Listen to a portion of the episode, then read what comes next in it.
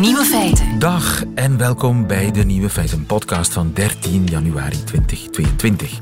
In het nieuws vandaag dat wie tijdens een pandemie op blind date gaat een groot risico neemt. Toch zeker in China. Daar ging vorige week mevrouw Wang op blind date. Met een man die volgens zijn datingprofiel goed kon koken. Dus de afspraak was bij hem thuis. Ah ja. En het moet gezegd, het eten was lekker, alleen net voor het dessert wordt er in de wijk een onmiddellijke lockdown afgeroepen wegens een besmetting. Niemand erin, niemand eruit. Zo gaat dat in China. En ook mevrouw Wang mocht het huis dus niet meer verlaten van de politie en zit dus al enkele dagen opgesloten bij haar blind date. Op WeChat, de Chinese Facebook zeg maar, brengt ze verslag uit van haar blind date lockdown die kennelijk geen feest is geworden. Hij is eerder het stille type, schrijft ze. We zijn een beetje uitgepraat. De situatie is niet ideaal. Hoe lang de lockdown in de wijk nog zal duren, weet niemand. Al blijft, en dat is toch wel een lichtpuntje, het eten lekker. De andere nieuwe feiten vandaag. Je mond spoelen met ontsmettingsmiddel is meestal niet gezond. De Russische staatsmedia die draaien overuren om de gewone Rus bang te maken voor de NAVO. In Spaanse echtscheidingszaken wordt een huisdier voortaan beschouwd als een lid van het gezin. En Rika Ponet lost een probleem op dat zich vandaag als volgt laat samenvatten. Ik heb een affaire met mijn baas. En wat de dag brengt voor Nico Dijkshoorn, dat hoort u in zijn middagjournaal. Veel plezier.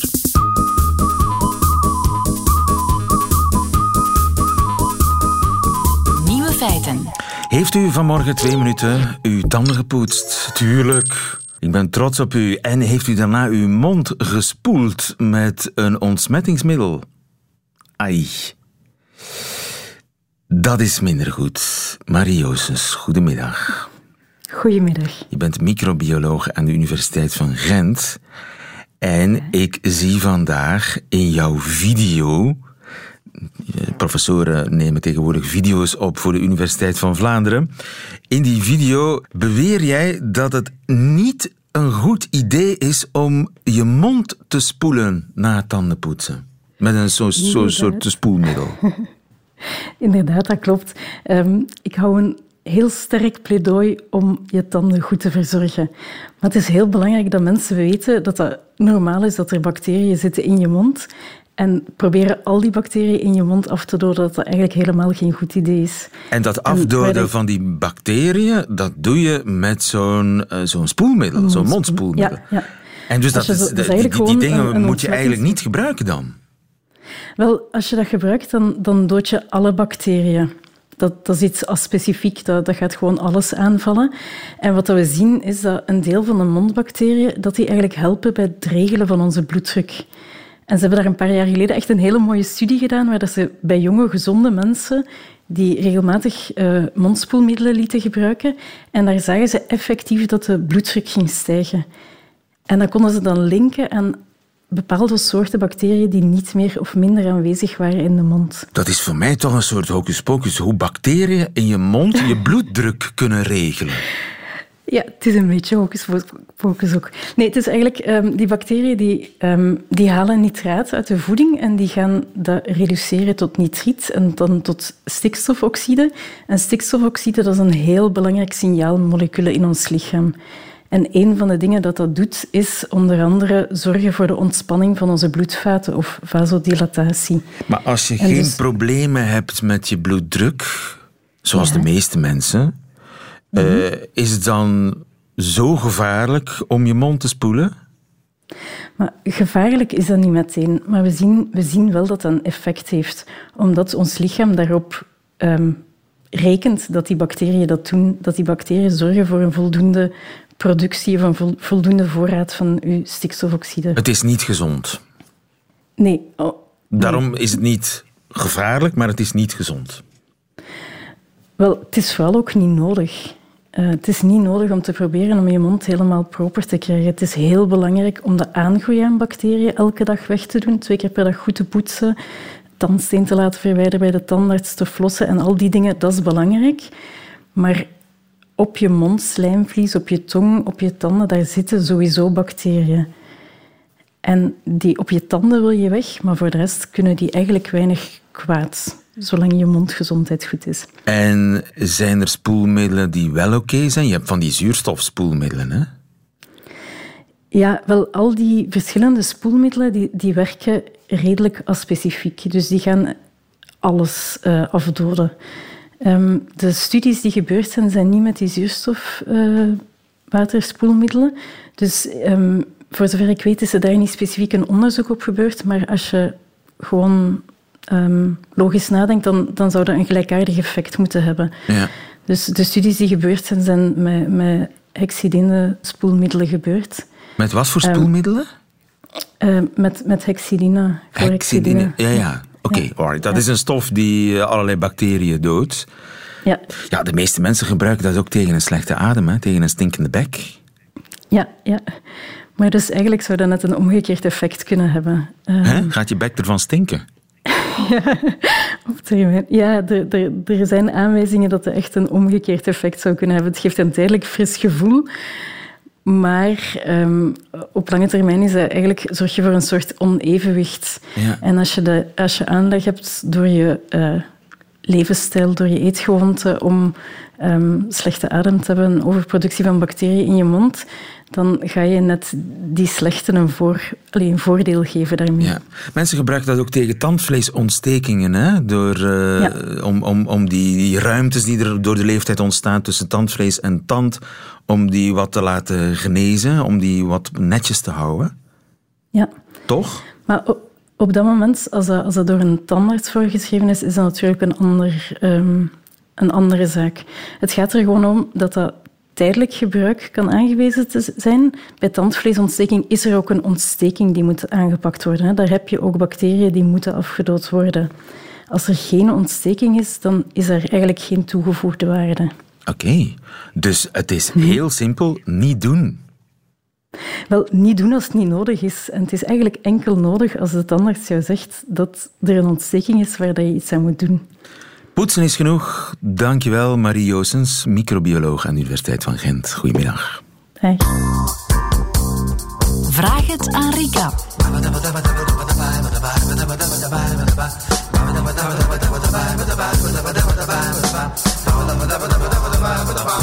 Heb je zin in een probleem, Rika? Ja. Dacht ik het niet.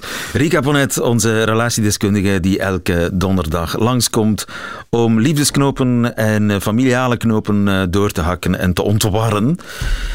Ik heb een probleem voor jou. Um, niet mijn probleem, het is het probleem van Carla. Carla schrijft en ze valt met de deur in huis. Ik heb een affaire. Goed. Ja. ja. Met mijn baas. Uh -huh. Carla schrijft, hij is een succesvolle professor. Het is een lange brief, ik, ik lees hem gewoon voor. Hij is een succesvolle professor en ondernemer en heeft heel wat charisma, ook al is hij eigenlijk niet echt knap. Carla toch. Hij had me jaren geleden al opgemerkt en toen ik toevallig bij hem werd aangenomen, begonnen de verleidingspogingen stilletjes aan toe te nemen. Eerst complimenten over mijn uiterlijk, berichtjes en dan een rondleiding in het nieuwe gebouw, waarbij hij mij zowaar in een hoekje duwde en wou kussen. Ik heb toen de boot kunnen afhouden, maar niet lang daarna probeerde hij het opnieuw en duwde hij ook mijn hand tegen zijn broek. Amai. Het was nogal duidelijk waar hij op aanstuurde en noemde me zelfs braaf omdat ik niet meteen als een blok voor hem viel. Hij had echter het geluk dat het net lockdown was geweest en dat ik als een verwelkt bloemetje, Carla, weer begon te genieten van de lente en dus ook van zijn aandacht en ik ging stomweg in op zijn avances. We spendeerden veel tijd op de chat tussen het werk door en ik voelde me door zijn blik en aanrakingen weer aantrekkelijk en heel vrouwelijk. Echter, ik heb een relatie en ik wens die niet te stoppen. Het is dus ook niet mijn bedoeling om iets uit te bouwen met mijn baas, maar ik dacht, zolang ik uit dit avontuurtje energie haal, kan het geen kwaad. Maar intussen zijn we drie kwart jaar verder en begint de energiebalans voor mij om te slaan. Hij is helemaal niet zo attent meer als in het begin. Sommige dagen stuurt hij mij lieve dingen en op andere dagen heeft hij het druk en negeert hij me carrément. Ik kan die wisselende spelregels niet volgen en er is ook geen ruimte om te praten, want hij heeft het druk. Er is zelfs amper ruimte om elkaar nog maar te spreken. Dus eigenlijk hebben we momenteel een ongedefinieerde verstandhouding waarin hij in de feiten bepaalt hoeveel contact we hebben en waarin er geen ruimte is voor mij om mijn vertwijfeling te uiten. Toch blijft hij plannen maken om samen op zakenreis te gaan en brengt hij me attenties mee of wil ineens toch aandacht. Ik lijk te zijn vergleden naar een onderdanige positie waarbij ik moet hengelen naar zijn aandacht, maar dat is helemaal niet wie ik ben. Hoe komt het toch dat we ons als knappe zelfstandige en succesvolle vrouwen zo laten verleiden door mannen met macht? Hoe slaag je erin om daarbinnen sterk te blijven en geen speelbal te worden van zijn wispelturige ene of gene drang? Vind ik wel een mooie, ene of gene drang naar contact. Maar bovenal, hoe raak ik hier terug uit? Bedankt, schrijft Carla. Ja. Lang verhaal. Ja. Een affaire met de baas, de succesvolle professor-ondernemer met charisma. Ja. Nu, ik denk dat um, als je zo naar dat verhaal luistert, dat het merendeel van de mensen direct denkt: uh, dump die baas. Carla, stop met de affaire. Mm -hmm. uh, nu, ze omschrijft zichzelf als een intelligente, succesvolle vrouw. Dus ik vermoed dat ze dat antwoord ook zelf uh, al kan verzinnen. Nu, um, ja, het is allemaal nogal dubbel. Hè. Mijn vraag zou direct zijn, mocht zij bij mij zitten, uh, wat wil je nu eigenlijk, Carla? Enerzijds geeft ze effectief aan... Um, ze heeft een ja, relatie. Ja, dat is een relatie. Daar zegt ze eigenlijk zo weinig over. Dat vind ik raar. Ja, ze wil het gewoon, ze wil uh, het A-plan uh, in stand houden. Hè. Maar ze is vooral bezig met haar B-plan op dit moment. Ja, dat, maar zegt dat niet iets over het A-plan, dat ze vooral um, bezig is met het B-plan? Zeker, absoluut. Maar ja, dat zien we zo vaak, of dat horen we zo vaak uh, in tweede relaties, dat, um, ja, dat de veiligheid, de zekerheid, uh, dat uh, A-plan is en het B-plan, zoals zij ook schrijft, hè, het plan is waarin ze zich dan vrouwelijk en gevoelig en ja, aantrekkelijk kan voelen. En, en dat is zo moeilijk te combineren? ja, blijkbaar bij haar wel. En, en naarmate de tijd vordert in wel wat meer relaties. Ik denk dat... Um, dat dat toch wel wat eigen is aan de tijd. Naarmate relaties wat langer bestaan, mensen vaak het gevoel hebben, ja, het is niet meer wat het was. En ja. nogal. Ja, je wil die veiligheid, maar je wil ja. ook dat avontuur. Je wil ook dat avontuur. En dat blijkt hier dan wel te zijn. Um, hoewel ja, ik daar al van bij aanvang niet zo'n schitterend gevoel bij heb. Um, ja, iemand die je tegen de muur duwt en jouw hand tegen zijn penis drukt. Uh, mij lijkt dat dan eerder wat grensoverschrijdend gedrag dan dat dat uh, een echte verleiding is.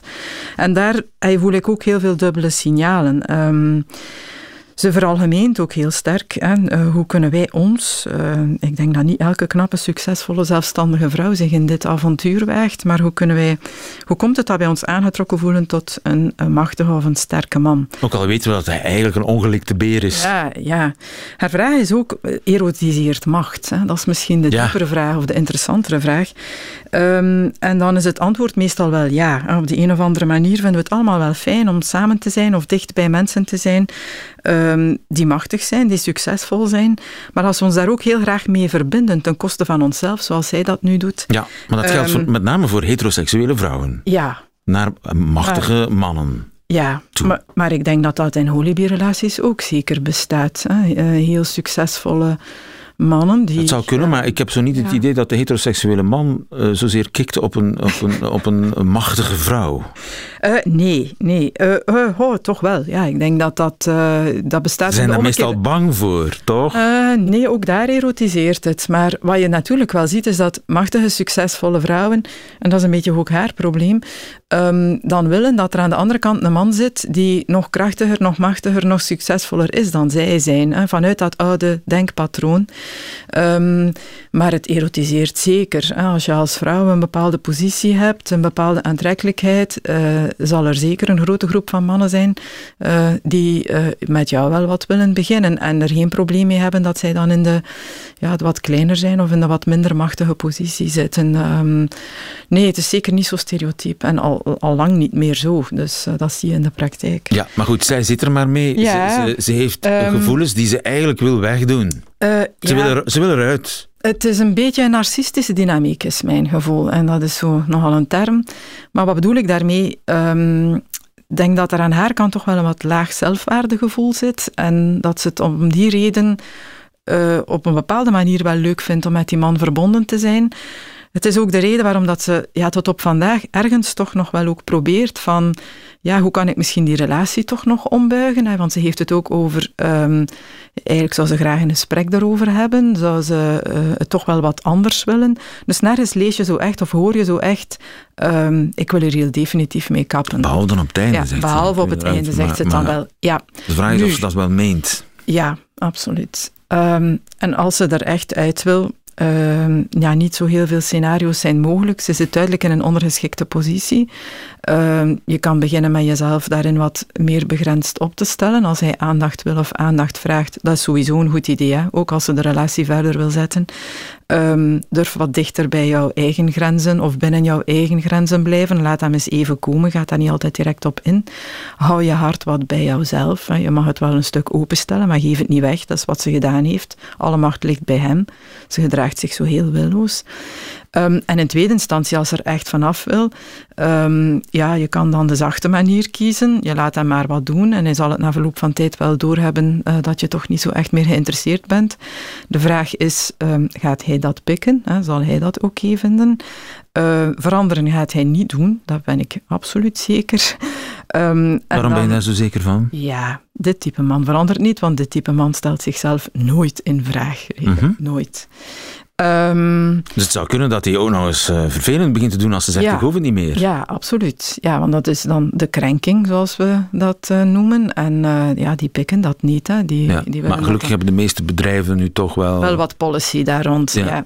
Nu ja, wil je in zo'n toxische omgeving verder werken? Dat is dan de vraag. Ze moet er duidelijk mee op zaken reizen en zo. Dus dan um, vrees ik dat, ja, zodra je in dit soort scenario zit, er niet zo heel veel mogelijkheden meer zijn. Behalve ja, je biezen pakken en een beter oord opzoeken uh, waar je niet in dit soort heikele situaties zit dan. Hè. Ja, hij, hij um, moet zijn manieren houden. Absoluut. Punt uit. Ja, zeker. Ja, het is al heel slecht begonnen. Hè. Nu, je ziet ook daar ze legt het ook wel wat bij, bij hem. Hè. Um, alles wat gebeurd is, uh, ja, hij heeft geluk dat het COVID was. Um, op een bepaalde manier elke vorm van verantwoordelijkheid in haar eigen gedrag ontloopt ook wel een stuk. Hè, want ik vind dat dat toch altijd een dubbel verhaal is. Je hebt inderdaad aan de ene kant die man die zich in een hiërarchische relatie absoluut uh, niet correct gedraagt, laat dat duidelijk zijn. Maar aan de andere kant, ja, zij die op de een of andere wijze daar toch een stuk van gediend was en daar ook een stuk is in meegegaan, wat nog maar eens aantoont ook hoe complex dit soort van situaties zijn. Oké, okay, Carla, ik hoop dat we je een beetje op weg hebben geholpen naar een voor jou uh, bevredigende oplossing. Als er nog mensen zijn die een vraag hebben voor Rika, die vragen zijn meer dan welkom op uh, nieuwefeiten.radio1.be. Tot volgende week. Radio 1 Nieuwe feiten. Zou de gewone Rus de Piotr met de pet, zeg maar, zou die ook zo bang zijn van de NAVO? Eva Kukier, goedemiddag. Goedemiddag. Je bent correspondent voor NRC in uh, Moskou. Officieel voelt Poetin zich zeer bedreigd door de NAVO. Daarover is de hele week al diplomatiek overleg tussen Russen en Amerikanen, vooral Moskou, heeft een indrukwekkende troepenmacht samengebracht bij de grens met Oekraïne. Eist dat Oekraïne nooit lid wordt van de NAVO, voelt zich bedreigd. Wat ik me afvraag, is de Russische bevolking ook zo bang van de NAVO? Ja, natuurlijk. Uh, bang in ieder geval voor een uh, escalatie. Dus hè, uh, mogelijk een gewapend conflict of zelfs een oorlog. Uh, bang voor de NAVO. Ja, wie naar de staatstelevisie kijkt, zal daar banger voor zijn dan mensen die hè, wat anders kijken naar het Westen. Dus dat verschilt. Want de staatstelevisie doet er alles aan om die angst te zaaien? Ja, absoluut. Dat zien we al weken hè, sinds deze discussie en deze spanningen uh, oplopen. Want dat zagen we vorig jaar ook. Uh, de staatsmedia draaien overuren om uh, Russen te vertellen dat de NAVO aan de grenzen staat. Ehm, dat er veel dreiging is vanuit het Westen en dat mogelijk een oorlog en zelfs een kernoorlog onvermijdelijk is. Dus ja, daar word je wel bang van. Ja, dus de NAVO is eigenlijk van plan om Rusland aan te vallen. Dat is, dat is de officiële Russische versie. Ja. Terwijl niemand bij de NAVO denkt eraan om dat te doen, toch? Ja, nou ja, dat is dus het interessante. Wij denken, hè, de Russen vallen ons aan. De Russen hebben gezegd van nou, dat gaan we niet doen. Uh, daar hebben wij natuurlijk uh, gereden twijfels over, hè, over die, die belofte. Aan de andere kant denken veel Russen van ja, hoe kunnen we het Westen vertrouwen? de NAVO staat aan onze grenzen. Ze hebben al de afgelopen jaren flink uitgebreid. En ja, hoe weten we dat we hun kunnen vertrouwen? Dus dat is wel heel erg ehm, ja, twee planeten bijna waar je naar zit te kijken. En zijn daar ooit onafhankelijke opiniepeilingen over gedaan over wat de gewone Rus werkelijk denkt? Of die echt gelooft in die ja, propaganda van de staatstelevisie? Ja, zeker. Er is een onafhankelijk opiniebureau in Moskou, dat heet Levada. En dat doet al jaren al 40 jaar bijna, heel veel opiniepeilingen. En um, ik heb met ze gesproken en ik heb hun peilingen van uh, de laatste uh, weken gelezen. Dus ja, daar is wel het een en ander over te zeggen. Zoals?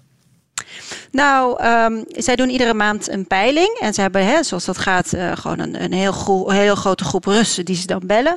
Um, en die vragen beantwoorden.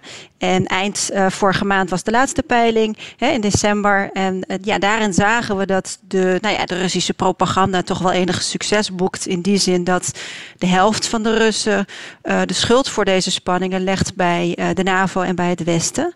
En dat ongeveer 15 procent Oekraïne zelf als aanstichter van al deze ellende beschouwt. Ja, en zijn de oudere mensen banger dan de jongere mensen? Zijn de oudere mensen, ja, hebben die meer vertrouwen in wat Moskou zelf zegt? Ja, precies. Je moet het echt zien in, in, in generaties. Dus de oudere generatie, dat is, dat is de grootste groep televisiekijkende mensen. Dat zijn toch veel oudere mensen, gaan hier al vroeg met pensioen, die hun dagen slijten achter het, uh, ja, het zwarte kastje, zeg maar. En uh, de hele dag daar worden volgestouwd met propaganda en met Poetin-speeches en met nou ja, informatie van de staat. En um, als je als je naar de peilingen kijkt, dan zie je dat deze groep heel erg uh, nou ja, de, de lijnen van het Kremlin volgt. En ook die propaganda gelooft. En ook uh, ja, gelooft dat de NAVO hier het grootste probleem is. En zou en je zeggen dat de jongere mensen weten dat het niet allemaal waar is wat het Kremlin beweert? Nou, dat hangt er ook vanaf hè, wat voor jongeren je dan uh, voor je hebt. Um, er zijn natuurlijk veel Russen die inmiddels uh, reizen. Hè. Russen reizen veel en graag ook naar het westen. Helaas vanwege de pandemie is dat heel erg moeilijk gebleken. Uh, ze gaan graag naar Thailand of naar Egypte voor de zon natuurlijk, zeker in de winter. Um, en die zijn natuurlijk ja, geneigd. Die volgen ook vaak de, de westerse pers, lezen misschien, spreken misschien Engels. Dus die zijn veel opener. Hè? En uh, daarbij heel veel jongeren, en dan heb ik het echt ook tot nou, jongere, midden, middelbare generaties, dus tot 50, maken veel meer gebruik van het internet en hebben daar natuurlijk toegang tot veel meer verschillende diverse bronnen. En die hechten veel minder automatisch geloof eh, aan wat de, het nieuwsanker van de staatstelevisie allemaal vertelt. Ja, kijk, Russen, zowel de jonge als oude generatie, zijn opgegroeid met propaganda. Ze weten, hè, de oudere generaties die in de Sovjet-tijd zijn opgegroeid, die weten donders goed dat ze propaganda krijgen voorgeschoteld en dat de staat ze eh, dingen vertelt en niet de hele waarheid. Dat weten ze heel erg goed. De vraag is, uh, ja, waar, waar, ze, of ze kiezen ervoor kiezen om bewust of onbewust om daarin mee te gaan. Of dat ze misschien stiekem wel weten dat ze zelf iets anders geloven, maar daar niet over praten of zich daar niet over uitspreken. Dus het is best wel gevaarlijk geworden in Rusland om je mening zomaar te geven. Dus veel Russen vertellen dat, die laten niet het achterste van hun tong zien. Dus ook jouw Russische vrienden, uh, die laten niet het achterste van hun tong zien? Nou, ik ben met mijn vrienden gelukkig bevriend. Dus hè, we hebben vertrouwelijke, goede, leuke gesprekken aan keukentafels en in het café. En daar, uh, daar nou ja, neemt niemand een blad voor de mond. Uh, ik zie wel dat veel vrienden en veel Russen in het algemeen gewoon niet zoveel zin meer hebben om het over Oekraïne te hebben. Het is een onderwerp waar ze al zeven jaar mee om de oren worden geslagen. En ja, iedereen is moe en geslagen. Dus en ze hebben natuurlijk zelf ook hun eigen problemen waar ze, waar ze over na moeten denken. Maar ja, je ziet wel als ik door het land reis dat mensen huiveriger zijn geworden om met journalisten te praten. En heel precies willen weten wat je dan opschrijft. Uh, of hun achternaam of zelfs hun voornaam niet meer willen geven. Dus ja, dat wordt wel steeds lastiger. Ja, en het, het feit dat de jonge mensen steeds kritischer worden voor de Russische staatsmedia en steeds minder geloof hechten aan de propaganda, is dat op termijn niet een probleem voor het Kremlin en voor Poetin? Ja, absoluut. Uh, dat zeg je goed. Uh, dat is een groot probleem waar het Kremlin zich ook grote zorgen over maakt. En hè, wie de gebeurtenissen het vorige jaar in Rusland heeft gevolgd, zag grote demonstraties, uh, heel veel protest, ook op sociale media. Hè. Dat is het, eigenlijk het enige restje waar de vrije nieuwsgaring en opinies nog floreren. Ja, dat daar heel hard op wordt geslagen door de overheid. Heel veel mensen zijn opgepakt, zitten nu in de gevangenis. Heel veel organisaties, mensenrechtenorganisaties zijn gesloten. Uh, eind vorig jaar was dat Memorial in Moskou. Uh, dus ja, dat is voor Poetin een zorg. En zijn reactie is hè, het, het volume van de staatsmedia opschroeven. Die inmiddels ook wel een beetje natuurlijk een weg naar de sociale media hebben gevonden. Nou ja, en repressie op alle vlakken. Ja, de Russische staatsmedia draaien overuren om de oorlogsretoriek ingang te doen vinden bij uh, Piotr met de pet. En uh, hoe zeg je, wat zou de vrouwelijke variant daarvan zijn van Piotr met de pet? Olga met de... ja, goeie. Bertha oh. met de bontmuts. Bertha, met de, Bertha met de bontmuts moet dringend geloven dat de NAVO echt gaat uh, aanvallen. Eva Kukier in uh, Moskou voor ons. Dankjewel. Goedemiddag. Dankjewel. Nieuwe feiten.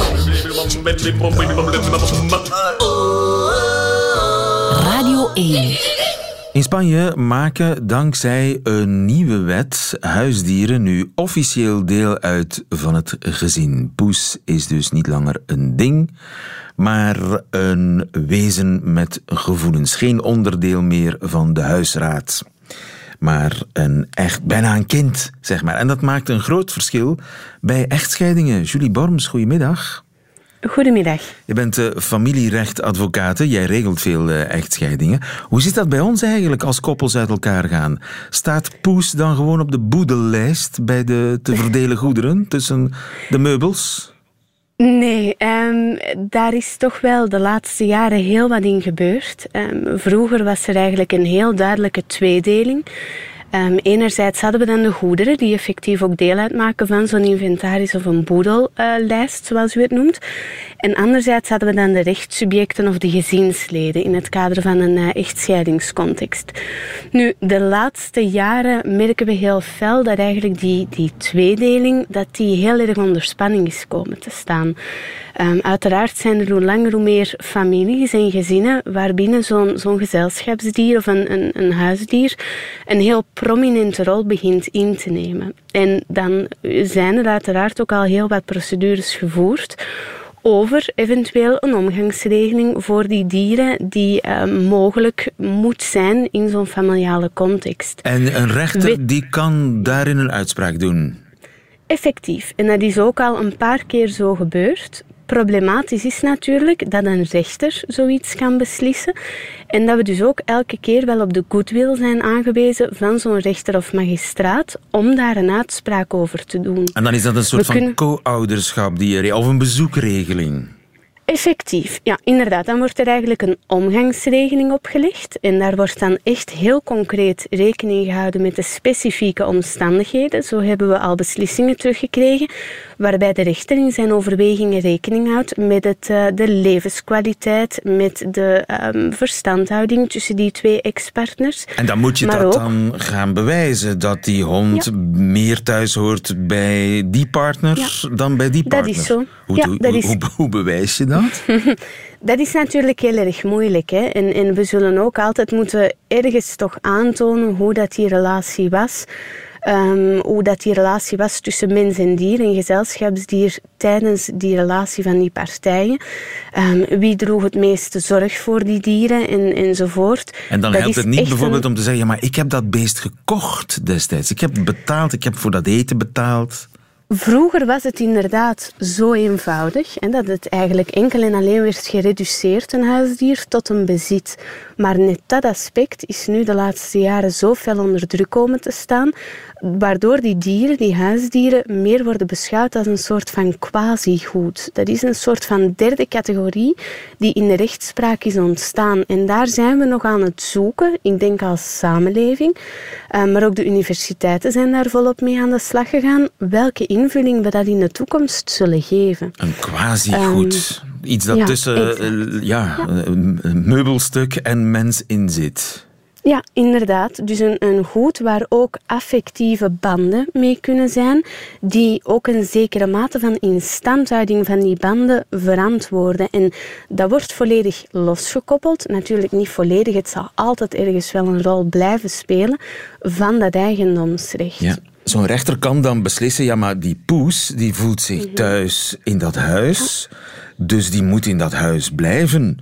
En de andere partner die het huis verlaat, misschien uh, ja, denkt hij dat hij recht heeft op die poes of, of recht om die mhm. poes mee te nemen. Maar poes zal daar niet gelukkig van worden, integendeel. Dus poes moet blijven. De rechter kan dat zo beslissen. Ja, inderdaad, dat is zo. We hebben bijvoorbeeld alleen een, eh, een zaak bepleit van een hondje dat toch al wel wat op leeftijd was, waar de levensverwachting ook niet zo erg hoog lag. En dan heeft de rechter heel uitdrukkelijk in zijn arrest voorzien, gelet op de hoge leeftijd van, van het huisdier, acht ik het niet verantwoord dat het diertje dan week op week af zou moeten verblijven tussen de woningen van die twee partners. Ja.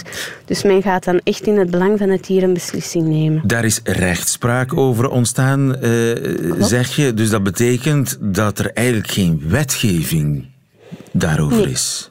Dat is heel correct. En dat maakt het natuurlijk ook zo moeilijk. Hè. Er is een heel... Um, er is weinig voorspelbaarheid in die materie. En dat maakt het als advocaat ook heel erg moeilijk om je cliënten daarover te adviseren voorafgaand aan zo'n uh, procedure of in het kader van onderhandelingen. Ja, je bent afhankelijk van wat de rechter vindt. Ja, ja. exact. Ja. En dat zou dus kunnen veranderen. Net zoals in Spanje is er een nieuwe wet sinds vorige week dat, uh, die zegt dat huisdieren inderdaad deel uitmaken van het gezin of een soort quasi-goed zijn, zoals je zegt. Dat zou bij ons ook wel kunnen. Ik denk dat dat ook onafwendbaar is geworden. Als we zien de laatste jaren wereldwijd, maar ook in, in ons eigen land, wat dat daar al bewogen is, um, wat die topic betreft, dat is heel wat. En ik denk dat het onvermijdelijk is dat daar op een bepaald ogenblik een wetgevend kader rond wordt gecreëerd. Um, bijvoorbeeld, ik weet de Universiteit Antwerpen heeft recent nog een uh, leerstoel opgericht omtrent dierenrecht. En daar worden toch ook wel heel wat initiatieven genomen om die maatschappelijke vragen, om die ingevuld te krijgen. En naar alle waarschijnlijkheid zal zoiets worden aangegrepen om, om op basis daarvan dan een wettelijk kader te gaan uitwerken. Maar dat lijkt mij absoluut zinvol dat zoiets zou komen. Veel dank, Julie Borms. Goedemiddag. Met veel plezier. Dag. Nieuwe feiten. Ziezo, dat waren ze, de nieuwe feiten van vandaag, 13 januari 2022. Alleen nog die van Nico Dijkshoorn heeft u te goed. U krijgt ze in zijn middagjournaal. Nieuwe feiten. Middagjournaal. Beste luisteraars. Gisterenmiddag om vijf voor één vertelde ik u hier in mijn middagjournaal dat ik die middag met mijn dochter zou gaan wandelen. Om kwart over één stond ik haar op te wachten bij het Centraal Station in Leiden en daar kwam ze. We gaven elkaar een lacherige elleboog en ze zei: Ik kreeg net in de trein een berichtje van een Vlaamse vriendin. Die wenste me heel veel plezier met mijn vader. Heb jij op de radio iets over mij gezegd of zo? Ik voelde daar de ongekende kracht van radio. Je kan schrijven wat je wilt. Je kan een jaar aan een boek werken en hopen dat iemand in Groningen dat ooit een keer gaat lezen. Je kan twitteren of tekeer gaan op Instagram. Maar op een of andere manier voelt dit, wat ik nu doe, praten op de radio, als magisch. Wat het allemaal nog vreemder maakt, qua toeval, is dat ik op dit moment heel hard werken aan een nieuw boek dat bijna op de radio gaat heten. Het is het verhaal over een Nederlandse rockband die jarenlang in treurige jeugdhonken en tragische buurthuizen spelen. En dan, na al die jaren ellende, horen ze dat hun nieuwste liedje bijna op de radio is geweest. Luisteraars, dat verhaal komt niet zomaar ergens vandaan. Ooit speelde ik met mijn eigen bandje in een weesloze kroeg en nam onze zanger het woord. Hij zei: Mensen, het volgende liedje wat wij nu voor jullie gaan spelen, dat is ooit bijna een keer op de radio geweest. En na het optreden vond iedereen in de kroeg dat opeens ons allerbeste liedje. Ze vonden het meer dan terecht dat het bijna ooit op de radio was geweest. Ze feliciteerden ons. En ik begreep toen al, in die kroeg, radio zal nooit stokoud worden. En radio zal nooit het achterlijke broertje worden van de podcast. Radio, luisteraars, dat bent u. Het zet uw hoofd even stil. Radio, dat is de man die nu even opkijkt om te luisteren naar de vrouwenstem die achter mij klinkt. Radio, dat is luisteren naar een Vlaamse bioloog die vertelt waarom we de geelgeruite zebravink zo weinig zien. Radio, dat is een beetje voor je uitbabbelen en dat een vriendin van mijn dochter daarna haar telefoon pakt. Alleen dat idee al, luisteraars, maakt mij sprakeloos.